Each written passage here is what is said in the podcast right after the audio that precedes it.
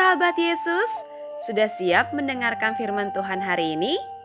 Kalau sudah, yuk siapkan Alkitab dan mari kita sama-sama membuka Matius 28 ayat 7 sampai 8. Matius pasal 28 ayat 7 sampai 8. Kalau sudah, biarkanlah Alkitabmu tetap terbuka ya. Ayo kita berdoa terlebih dahulu, memohon bimbingan Tuhan agar kita dapat mengerti apa yang akan Tuhan sampaikan melalui firman-Nya. Mari kita berdoa. Tuhan Yesus, terima kasih atas penyertaan-Mu dari hari ke hari. Begitu juga dengan kesehatan dan seluruh berkat yang sudah kami terima.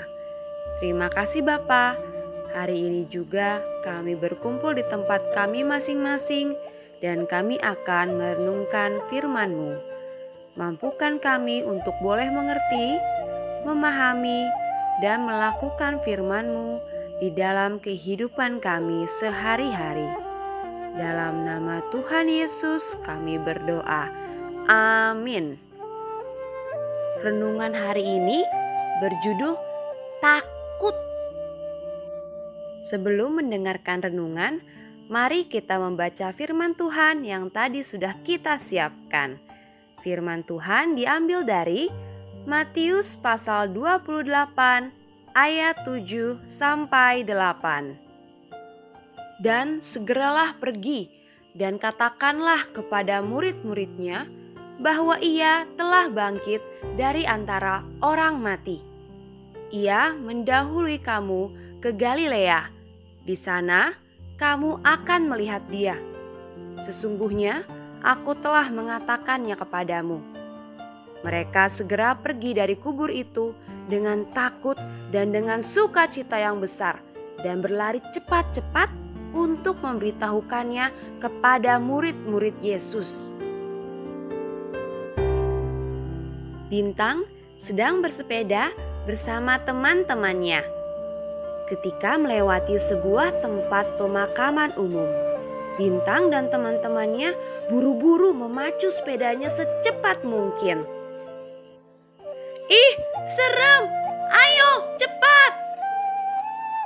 Sesampainya di rumah, Bintang menceritakan hal itu kepada Papa. Pak, tahu nggak bahwa kuburan itu seram sekali loh? Seram kenapa bintang? Iya, seram. Takut ada hantu, Pak. Tapi Maria Magdalena dan temannya berani tuh datang ke kubur Tuhan Yesus. Pas masih gelap pula, karena matahari belum terbit. Oh iya, benar juga kata papa. Apa mereka tidak takut ya? Pasti mereka juga takut, tapi mereka mempunyai iman yang jauh lebih besar dari rasa takut mereka. Mereka percaya perkataan Tuhan Yesus yang mengatakan bahwa Dia akan bangkit pada hari yang ketiga. Jadi, ketika mereka menemukan bahwa kuburnya telah kosong, mereka takut, tapi juga bersuka cita. Takut bukan karena hantu, tapi takut ada orang-orang yang membenci Tuhan Yesus, lalu mencuri jenazah Tuhan Yesus.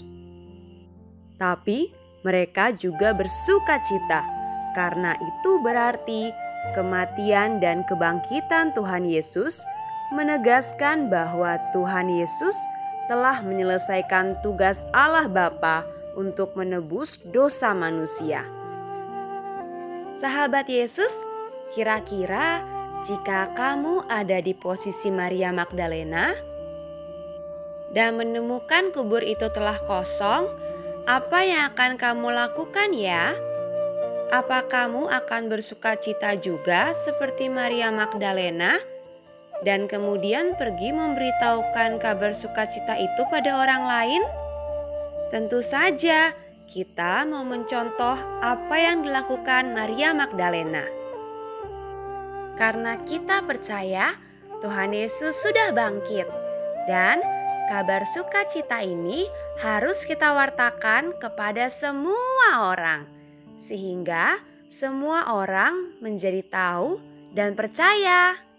Sahabat Yesus, ayo kita ucapkan kata-kata ini.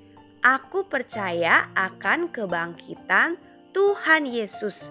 Sekali lagi, aku percaya akan kebangkitan Tuhan Yesus. Mari kita berdoa. Bapa di surga, terima kasih karena kematian dan kebangkitan Tuhan Yesus telah membebaskan kami dari dosa. Bantu kami agar kami mampu memberitakan kabar sukacita ini di mana pun kami berada. Terima kasih ya Tuhan, dalam nama Tuhan Yesus, amin. Tuhan Yesus memberkati.